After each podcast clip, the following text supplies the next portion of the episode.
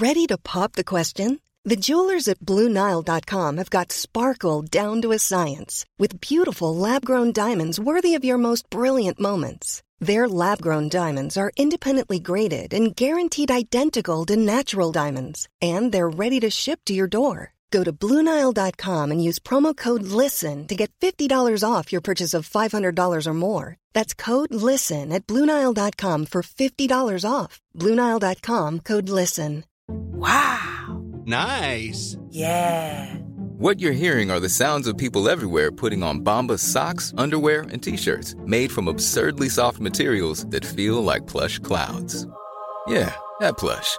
And the best part? For every item you purchase, Bombas donates another to someone facing homelessness. Bombas. Big comfort for everyone. Go to bombas.com slash ACAST and use code ACAST for 20% off your first purchase. That's bombas.com slash ACAST. Code ACAST. Quality sleep is essential. That's why the Sleep Number Smart Bed is designed for your ever evolving sleep needs. Need a bed that's firmer or softer on either side? Helps you sleep at a comfortable temperature? Sleep Number Smart Beds let you individualize your comfort so you sleep better together. JD Power ranks Sleep Number number 1 in customer satisfaction with mattresses purchased in-store. And now, save 50% on the Sleep Number limited edition Smart Bed for a limited time. For JD Power 2023 award information, visit jdpower.com/awards. Only at a Sleep Number store or sleepnumber.com. Veckans sponsor är Telia. Hos Telia samlar man mobil, bredband, IT-support, mobilväxel, allt som gör företagande enkelt. Och det är just det här att samla allt på ett ställe, att ha någon att vända sig till när det inte fungerar, det är Telia. Ett exempel på vad som inte är Telia, det är ju som när jag lyckas boka förmötet för en poddinspelning med Finansinspektionen till efter själva inspelningstillfället. Eller när jag här, här året var liksom, fick för mig att jag skulle börja springa, så jag är liksom ute och springer taggad, träffar en kompis som säger så du Jan, på måndag ska jag springa ett lopp.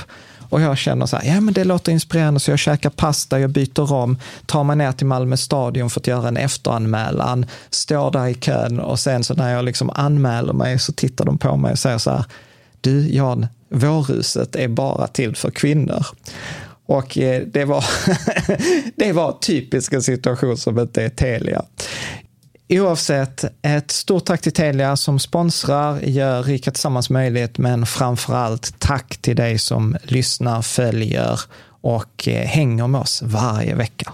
Välkommen till Rika Tillsammans-podden avsnitt 23 som handlar om så här kloka grejer att göra i sin privatekonomi. Jag heter Jan Bolmesson och detta är min fru Caroline. Hej! Och det är jätteskönt att idag är det onsdag och vi spelar in och detta betyder att det blir den andra artikeln den här veckan. Det har ju varit här en artikel i veckan under november för det har ju varit kaos.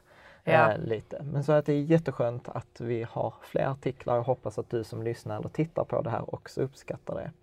Men jag Mm. tänker att vi har massor frågor idag som är uppföljning på det här med amortera, spara, byta banktjänsteman, indexfonder, Vanguard. Eh, skulle vi Mm. också prata om lite ombalansering och sånt. Så jag Mm. tänker så här, shoot, Vi var hoppar börjar rätt vi? in. Ja. Eh, Det är det här, men vi har fått en kommentar till det här med att byta bank. För vi nämnde ju det i förra avsnittet att eh, vi har bytt eh, bank Just man det, 13 precis, nej, gånger. nej, vi nämnde inte det, men vi pratade om det här med träningsbank. Ja, träningsbank. Att, att mitt, mitt bästa råd är att skaffa sig en träningsbank. Det vill säga att man ska ha en bank som man är kund i, till så här Swedbank, Handelsbank, SEB, Nordea. Och vid sidan av det eh, så, så, så behöver man naturligtvis typ Avanza eller Nordnet eh, som är då ett bank för ditt sparande och din pengamaskin. Men utöver de här två bankerna så sa, pratade vi att man ska skaffa sig en träningsbank. Att om man vill göra någonting, man vill liksom skaffa ett bolag, man investera i ett företag eller låna pengar eller göra någonting annat. Så är bankerna så pass lika idag Mm. att det spelar ingen roll vilken du går till utan då är vi ju kunder i Swedbank primärt men vi är även kunder i SEB. Och jag kommer aldrig på, eller vi kommer inte på de, de andra smarta grejerna när man väl sitter där på mötet. Utan då går man först till SEB, testar sin idé, får man massa nej, massa frågor och sen liksom antecknar man det, skaffar sig svaren, går så till sin andra vanliga bank och sen låter man sjukt smart. när man är där. Och vad de inte fattar är att man har redan fått alla de frågorna liksom, eh, en gång innan. Det är som liksom så här, fuska på provet fast det är helt okej. Liksom man har Ja. fått alla frågorna redan Ja. Eh, och i alla fall, och då var frågan så här. Jo, men vi har fått en kommentar från en person som eh, skriver så här att byta bank är inget jag är nöjd över längre. Jag har bytt två gånger sedan jag blev bostadsrättsägare för två och ett halvt år sedan. Mm. Och sen var det Mm. väl någon annan som skrev också så här, ja, typ jag har bytt 20 gånger under 40 år eller så här, det finns knappt några Ja. banker att byta till.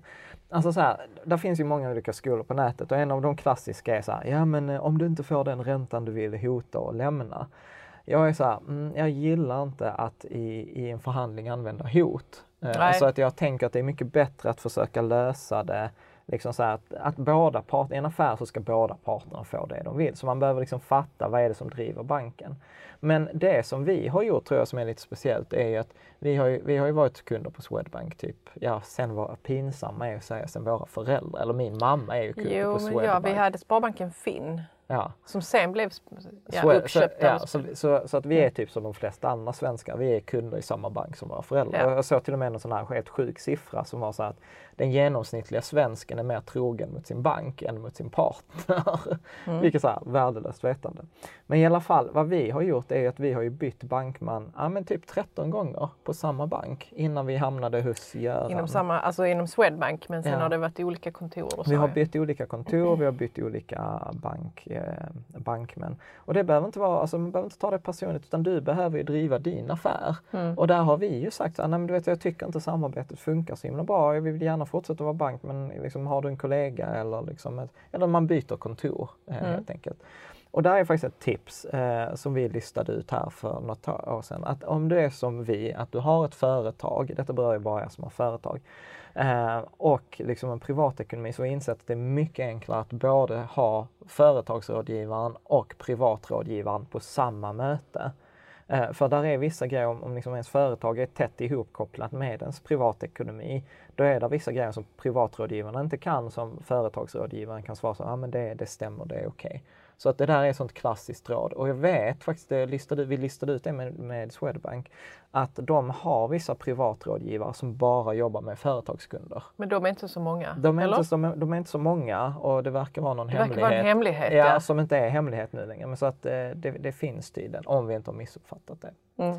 Bra, så skaffa dig en träningsbank. Eh, hota inte med byt bank utan byt eh, kollega, liksom, till någon kollega på, det, på kontoret. Men jag ska också tillägga att, att du låter ju som att du är arg på banken ibland. Och, Men det är jag för det mesta. Ja, det är du. Alltså, men men när, du väl, när du väl sitter med banken så, så är det ju Så är otroligt civiliserat samtal. Ja. Det är det ju. Ja. Respektfullt. Jo, och det, det- behöver ju, man behöver ha. Ja. respektfull attityd mot, som mot vem som helst, men Ja. inte för. Nej, men det handlar om att, att sätta in i bankens position. Vad behöver de? Mm. Och, och försöka ge dem det de behöver. Det är en klassisk fråga när jag inte får som jag vill. Så säga, vad skulle du behöva för att jag skulle kunna få det jag vill? Och då säger Fast de du ibland, säger inte för att jag ska kunna få det jag vill, Nej, utan men- du säger det låter ju så omtänksamt. Ja, ja, men, Ja. ja. men precis. Nej, men det, handlar om ett, det handlar om affär. Liksom så här. Om du vill ha en lägre ränta, ja, men erbjud att titta så här, men vi har en, men man får ju argumentera för sin sak. Att vi har låg belåningsgrad, eh, vi har det här sparandet, vi har jobb, vi har det här.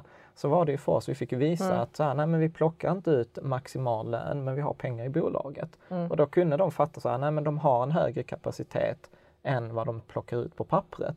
Eller plockar ut i, i lön. Och då, då kunde vi ju lösa det här. Liksom trots att vi plockade ut eh, då typ 30, vad hade vi, 35 000 i lön. Ja, men jag tror det är bra att du nämner de där grejerna som du tog upp nu. För att eh, jag kan tänka mig att om en helt vanlig människa som ska gå till banken och börja argumentera om, om sin ränta eller något annat. Mm. Då kanske man behöver få en liten sån här ska man säga intro till vad är, det du Ja. kan, vad är det du kan lägga upp på bordet? Ja. Är du med? Ja. Att jag har ju mitt sparande här och mitt lån här. Och, Precis, man, fast man bör ju inte ha sitt sparande på Swedbank, Handelsbank, SEB, Nordea. Nej, men, utan, eh, utan det bör man ju ha på Avanza och Nordnet. Absolut, men de... Ja. Men, men jag vet, Mm. men, det här, men du har ju rätt i poängen att det handlar om att erbjuda banken det de behöver för att de ska kunna tacka ja. Alltså Mm. det behöver vara win-win. Och man behöver inte alltid maximera liksom, sin egen vinst. Alltså vi har inte den lägsta räntan eh, på våra lån. Men vi uppskattade relationen och, och liksom vi har, idag har vi inget sparande på Swedbank utan allt det har vi på ett annat ställe. Ja, så visst, vi hade kunnat kanske få lite lägre ränta men då hade vi behövt flytta sparandet och så är det ganska mycket bök. Så att man får ju koppla hela tiden det som vi alltid tjatar om, koppla det till energi och tid också. Mm. Men nu vill jag hoppa vidare. Okej. Vi går till kapitalförsäkring Ja. och det här med barnsparande. Och då är det Anders som har skrivit in och han vill gärna att du ska centrifugera kapitalförsäkringen lite mer. Okej. Eh, och han tycker inte han ser några fördelar med, med kapitalförsäkring för det verkar krångligt med regler för uttag och kostnader. Och dels kostar det en avgift som han inte kan säga att han får något för, det är en sak. Mm. Ja men bra om vi tar, om vi tar, Vi tar det eh, vi tar en taget grej i då, ja. taget. Så, eh, så för, för det första, jag rekommenderar alltid ESK. Eh, det, det är alltid det man ska skaffa sig, förutom i specialfallet just sparande till barn. Ja. För att en ISK kan man inte överlåta vilket innebär att eh, säg att du ska ge pengarna till barnet så behöver du ta ut pengarna från ditt ISK och sen behöver pengarna sättas in på en annan ISK och det uppstår en skatteeffekt. Visst kan man hävda att den skatteeffekten är marginell men det är ändå en skatteeffekt och jag som gillar optimera grejer då gillar jag inte det där. Kapitalförsäkring det andra sen, många banker har en avgift för det här, det vill man inte ha. Det är återigen därför Avanza Nordnet, där är kapitalförsäkring gratis. Sen är det skillnader om man går in på det 90 gritty att en ISK äger du, den är transparent liksom, eh, och en kapitalförsäkring äger egentligen försäkringsbolaget. Det är därför det är, ett försäkringsmoment i det. Eh, Vad menar du med transparent? Eh, att eh, till exempel om du äger aktier i ett bolag och har det i ett ISK så kan du gå på bolagsstämma för att du är registrerad som aktieägare. Ja. Har du äh, samma aktier eh, i bolaget i en kapitalförsäkring så vet inte företaget att det är du som äger dem för att då står Avanza som ägare på det Ja, där. okej. Så kapitalförsäkring har ju många år använts som för att fuska, liksom för att runda insiderregler och massa andra. För att då blir det liksom som en stängd, eh, stängd påse. Men så att egentligen, alltså om man bortser från specialfallet med barnsparande, om man vill kunna överlåta det och ha förmånstagare, så är alltid ISK. Men i övriga fall, ISK. kapitalförsäkring, tycker du att det är bra Nej, om man inte har barnsparande? nej, då är det inte bra. Nej, och, kanske- Mm. absolut inte, och absolut inte betala avgift. Utan ska man Nej. ha en kapitalförsäkring hos Avanza eller Nordnet eller någonstans där den är gratis. Men inte annars. Nej. Sen tar han också upp det här med att man, eh, man måste betala för att efterlevande ska få, få tag i det som ligger i försäkring, kapitalförsäkringen. Mm, Ja, det vet jag inte. Nej. Alltså man får ju ofta ut 101 procent av värdet av Mm. kapitalförsäkringen eller så. Men alltså man vill ha, det finns kapitalförsäkringar idag som är gratis. Punkt. Ja. Man ska inte betala för en sån. Nej. Okej, men då tror jag ändå vi kan gå vidare faktiskt. Ja, vad bra. Har Ja. vi löst det? Hoppas att Anders har fått svar på Ja. de flesta av sina frågor. Okej, vi går till Vanguard indexfonder. I love Mm. Och här Vanguard. kommer en fråga. Tjena, kan du prata om Vanguards lågkostnadsindexfonder? Mm. Och berätta om de även är gynnsamma för svenska investerare över tid. Ja. Så här, jag älskar Vanguard. Alltså Mm. Vanguard var ju företaget, om de inte var först, så var de ett av de första företagen som lanserade indexfonder. Men är det amerikanskt? Det är ett amerikanskt bolag eh, startat av, eh, gud vad heter, heter han inte Jack Bogle? Eller något sånt. Det finns fantastiskt. Jag Ja. har, Han heter inte Vanguard. Nej, nej men nej, jag har publicerat intervjuer med honom. Han var Ja. just, han, alltså jag, jag och han, jag upplever att vi har jättemycket likheter. Han är bara typ 70 år äldre än mig.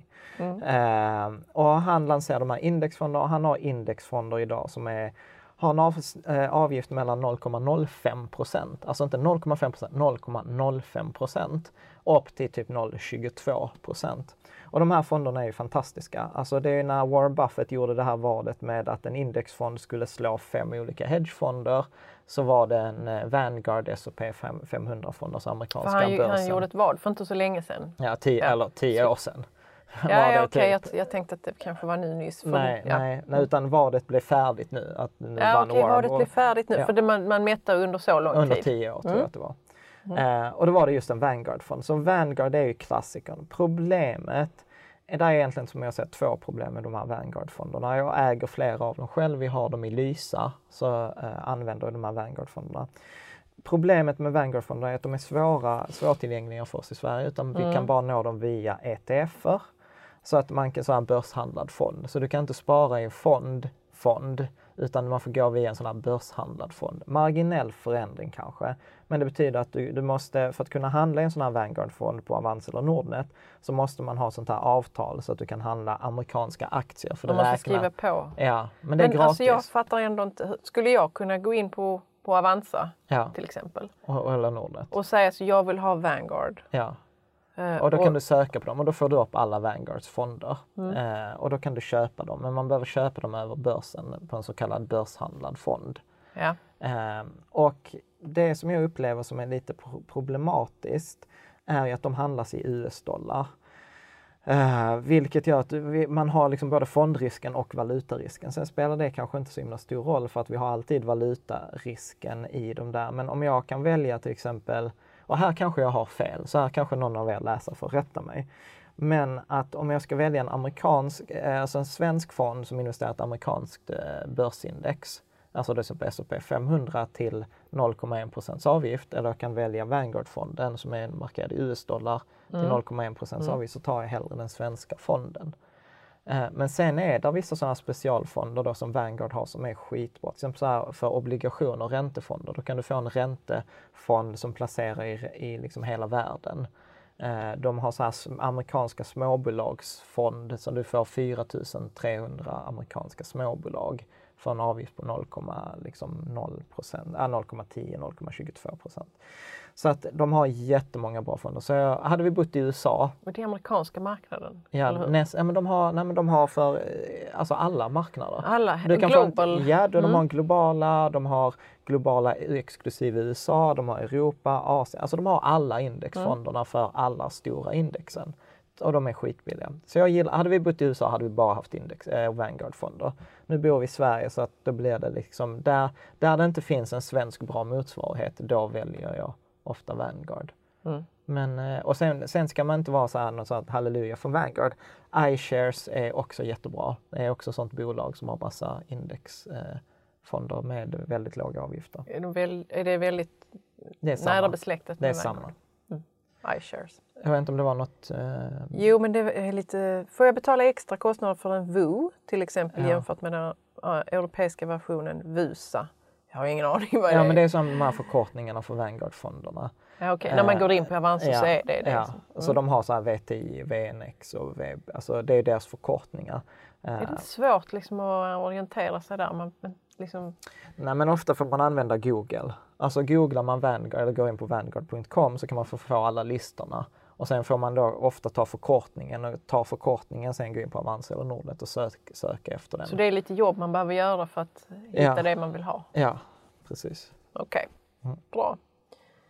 Ska vi gå vidare då? Ja. Mm. Här kommer en fråga. Ska jag ombalansera min portfölj inför 2018? Ja, sa jag. Man gör, gör det en gång om året? Ja, eller? ja ungefär. Eh, jag tror vi kommer ska göra en artikel eh, eller ett inspelning om det typ om en månad. Så i slutet av december, i början av januari så tror jag att vi kommer göra den här ombalanseringen. Alltså ofta till exempel så som vi, så som eh, vi ombalanserar, så som jag ombalanserar, så är det ju typ eh, att, eh, att Ombalansering handlar egentligen om att man går tillbaka till den ursprungliga fördelningen. Så jag brukar säga att tumregeln är att man ska ha lika mycket räntefonder eller obligationsfonder som man är år gammal. Så jag som är 36 ska ha 36 procent av mina pengar i ränte och sen vad blir det 64 procent i aktieindexfonder. Och vad som händer under året är ju då att eh, eftersom aktierna nu har ökat så ökar ju den andelen och då minskar räntefonderna. Och då behöver vi i slutet av året gå tillbaka och liksom sälja av aktiefonderna, öka räntefonder så att det återigen Mm. står 36, 64. Eh, 64. Men det, kom, det kommer artiklar om det i december, i slutet av december. För jag brukar alltid göra det. Mm. Det var, är det jobbigt att ombalansera? Nej, Nej. det tar, det tar en två, tre, två timmar kanske. Sen är det. Bra. Mm. Ja. Du kan få vara med när vi ja, gör jag vill Jag- gärna vara med. Annars så är det sånt som du gör, sitter själv klockan 12 på natten när jag har gått och lagt mig. Ja, Eller hur? ja. Ja. Man får göra med Excel och sånt, det är ganska roligt. Ingen som frågar något. Nej. Nej. Okej, vi går vidare då. Till Viktor som, eh, som säger så här. Jag har investerat i fonder i ungefär ett år nu. Mm. Och oftast kollar jag på Avanzas femstjärniga fonder med mycket bra avkastning och kurvor med stabil ökning över tid. Mm. Jag har även testat att köpa de fonder du rekommenderat i Rika Tillsammans-portföljen och han tycker samtliga har gått dåligt. Och nu undrar han följande. Varför inte investera i femstjärniga fonder med bra historik och som har liknande riskgrad som dina förslag? Och det kan man absolut göra. Och det är oftast en mycket bättre strategi än den som bankerna erbjuder. Ja. Men tittar man på forskning så finns det en eh, rapport eh, återigen från Vanguard, tror jag, som har gett ut den här rapporten. Eh, eh, som visar att bara för att en fond har fem stjärnor i år så är det ingen garanti för att den kommer att ha fem stjärnor nästa år. Tvärtom är det väldigt sällan en fond behåller sina fem stjärnor. För ofta vad som händer är när de får fem stjärnor så får de jättestort inflöde. När de får jättestort inflöde så blir det svårare att göra bra affärer. Så gör de sämre affärer, förlorar sina stjärnor, blir av med sitt kapital, kan göra bra affärer igen och så får de fem stjärnor. Så att det där, eh, alltså rullar ju runt. Så statistiskt sett, bara för att något har fem stjärnor i år så betyder det inte att det kommer att ha fem stjärnor i nästa år. Så därför skulle jag inte ha det som enda kriterium när jag väljer en fond. Men det är ett bättre kriterium än många andra. Eh, ja, men om så, de har gått bra i flera år i rad? Ja, men då går de ofta som index. Och mm. då är det bättre att välja indexfonden för det indexet som den fonden har valt. Det är väldigt sällan de här fonderna slår index. Så om man har till exempel en, eh, en eh, ja, så man får titta på vilket index det är, till exempel USA. Om, om Sverige, Sverige går ju liksom från tid till annan fantastiskt bra. Och då ser det ju ut som att de här Sverigefonderna gör jättebra resultat. Men jämför man det med dem mot Sverigeindex så presterar de inte jättebra över liksom, det här indexet och då är det bättre att köpa en Sverige-indexfond. Mm. Um, så att det, det, skulle jag säga så att sammanfattningsvis, har man inget annat kriterie så brukar, så brukar jag säga titta på stjärnorna, men titta hur nära det följer indexet, titta på avgiften och sen titta på det som kallas för sharpkvoten. Och sharpkvoten är ju ett mått, hur mycket risk har du tagit för att få den avkastningen? För det är inte bara hög avkastning som räknas utan man måste ta det i förhållande till risken. Vad ska sharpkvoten vara för att så det ska bra, vara bra? Det, det, är ett tal som är att eh, man jämför med den riskfria räntan. Helt enkelt så sharpkvoten berättar så här Okej, okay, om du hade haft eh, pengarna i den riskfria räntan, alltså ränta eller obligationsfond eller på bankkontot, då hade sharpkvoten varit eh, noll. Mm. Helt enkelt. Och då säger man att allt över noll är bra, allt under noll är dåligt. Och då vill man titta på sharpkvoten på övertid. Så att jag, jag brukar, när jag tittar på fonder, så tittar jag på antalet stjärnor, men jag tittar även på sharpkvot, jag tittar på index, jag tittar på avgift. Eh, på, på de så fyra. ska vara hög? Ja, så hög sharp. Alltså ofta ligger sharpkvoten bli... mellan 0,8 och 3. Ja. Uh, har, har, man en fond med en sharpkvot över 2 så är det fantastiskt bra. Alltså det är extremt sällsynt. Men, inte, men som strategi att bara köpa femstjärniga indexfonder eller femstjärniga eh, fonder är ingen fantastisk, alltså det finns inget statistiskt belägg för att det över en 20-årsperiod ska vara bättre än någonting annat. Um, så det skulle jag säga och sen att fonderna har gått dåligt på ett år, det är ett års sikt. Alltså på ett år är börsen mer eller mindre slumpmässig. Och det är därför jag alltid tjatar, ska du ha pengarna mindre än fem år, skit i investera dem, sätt dem på bankkontot, ett låst bankkonto med insättningsgaranti, en ränta på idag på typ 0,5-0,8. Mm. Medan man behöver liksom utvärdera en portfölj på liksom 5-10 års sikt. Så det är därför jag följer inte börsen hur den går från dag till dag eller vecka till vecka. Utan jag tittar typ så här två, tre gånger om året. Mm. Jättebra. Mm. Okej. Okay. Vi har Oskar här som undrar över eh, globala barnportföljen. Ja. Och han frågar varför inte ha 100% aktiefonder i globala barnportföljen? Eh, det där är en jättebra fråga. Det där är återigen en sån här forskningsgrej eh, och vad de flesta liksom så här gamla i gamet rekommenderar. Och rationalen brukar vara så här, ja visst har du 100% aktier så har du högre förväntad avkastning. Men om man lägger den här 10 procentaren eh, med räntefond eller liksom lägre risk så uppstår så får man två effekter. För det första får man en liten krockkudde man får en möjlighet att ta ut pengar från portföljen, alltså om det skulle behövas, även om man inte har planerat det. Men den tredje stora grejen är att när det sker extrema rörelser på, på, på marknaden, alltså typ en börskrasch, så har du lite kapital som du faktiskt kan köpa på och få en skjuts uppåt. Så att eh, rent, eh, rent liksom så här, historiskt statistiskt har det ofta lönat sig, har gett en högre avkastning i längden att ha 90 i aktier och sen ha en liten buffertdel som man kan använda. Sen är det ju många som använder till exempel belåning som en sån där buffert, mm. buffertgrej. Att, eh, till exempel när börsen kraschar eller när de här extrema rörelserna kommer där det backar med mer än 20, 25, 30 procent. Att man köper på sig med belåning. Eh, så att det är återigen att ha kapital tillgängligt när det händer någonting. Köper på sig med belåning? Ja. Vad betyder det? Jo men typ om du har en hundralapp eh, och så äger du massa fonder. Då säger då till exempel Nordnet eller Avanza, men du äger den här indexfonden, vi bedömer den med låg risk så vi lånar dig 80 kronor Mm, Okej. med Känns den som här haft det här hundralappen. innan. Ja. Vi har det. vi- Jag vi sitter åter- här fortfarande med samma frågor som... Ja men det är bra, men vi, vi får säkert möjlighet att återkomma till det också. Eh, men det betyder att då, då säger banken, det är som ett hus. Alltså Mm. du, du kan låna upp till 85% på ett hus. Du kan låna ofta upp till 80% på en aktie eller en fond. Och då, då brukar jag rekommendera så här max 20-30% Så har jag en hundralapp med fonder, ja men då kan jag låna uppemot 20-30 kronor Och investera. och köpa fler Mm. fonder. På det sättet så höjer jag höjer risken men jag höjer också avkastningen utan att behöva gå in på extrema investeringar. Liksom. Mm. Eller ta mycket högre bolagsrisk eller marknadsrisk. Vad var det för forskning du nämnde? För jag, jag måste säga att jag fastnade lite på det här med Vanguard, att de hade gjort egen forskning. Ja men de har Hur jätte... objektiv är den? Nej men de är, jag tycker de är jätteduktiga. De har en sån här researchavdelning så de publicerar sådana här rapporter. Och de rapporterna är, alltså när vi skrev boken, jag och Charlie, så använde vi dem i jättemånga, alltså jättemånga av våra referenser Men hur kan man veta dem. så att, att de är liksom objektiva? Nej men det är klart att de har en bias, eh, men, men de pratar till exempel om vissa saker som ombalansering. Ja då har de liksom så här, ja men alltså, det borde ju du veta, en vetenskaplig rapport. Alltså där är ju referenser. jo, där men jag har ju sett vetenskapliga rapporter från, eh, jag vet inte, något, eh, något jättestort eh, Macchiarini och sånt. mat... Eh, vi behöver inte prata om Macchiarini. Nej men någon sån här ork, eh, vad ska man säga, någon, någon stor Ja. matkoncern som liksom vill få oss att, köpa mer kaffe och så gör de forskning som visar att kaffe är bra Ja. för kärlen eller någonting. Och det är ju helt... Betyder det att det är dålig forskning? då? Ja, det betyder... Alltså man måste läsa rapporten men det är ju, ja.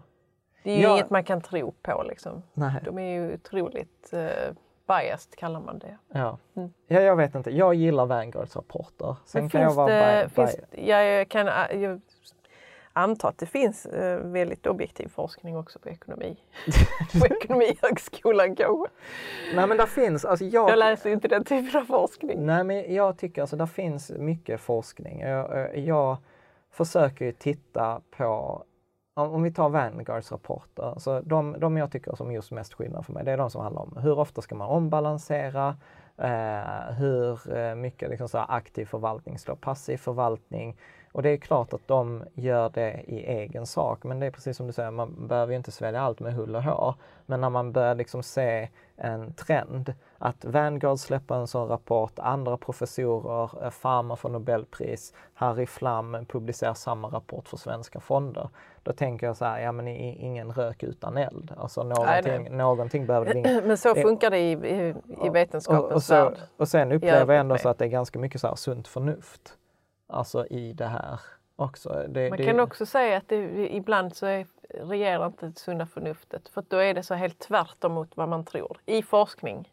Okej. Jag lovar.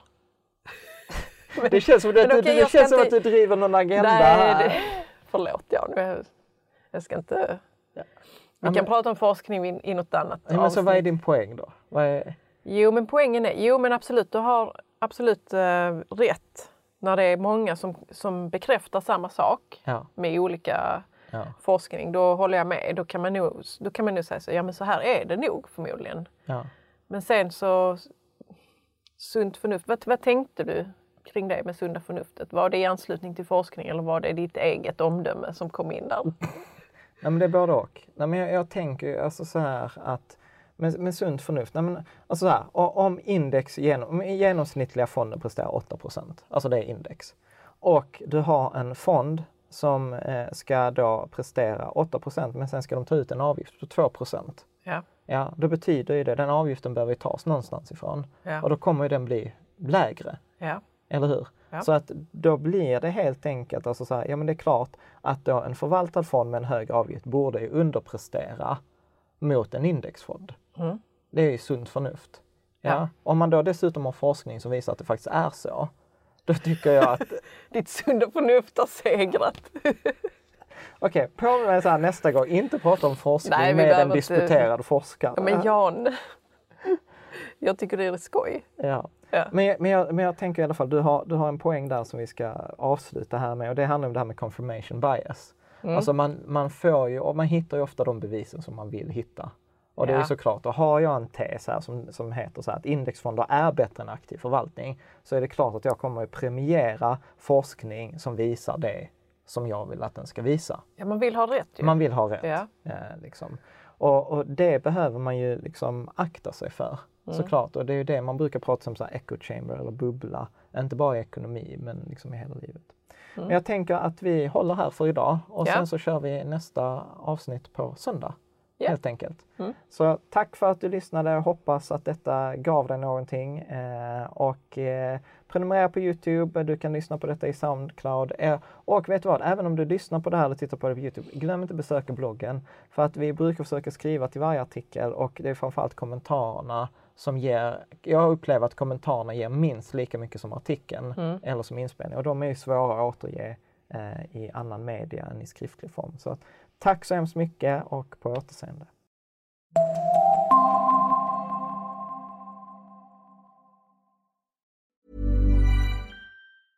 Planning for your next trip?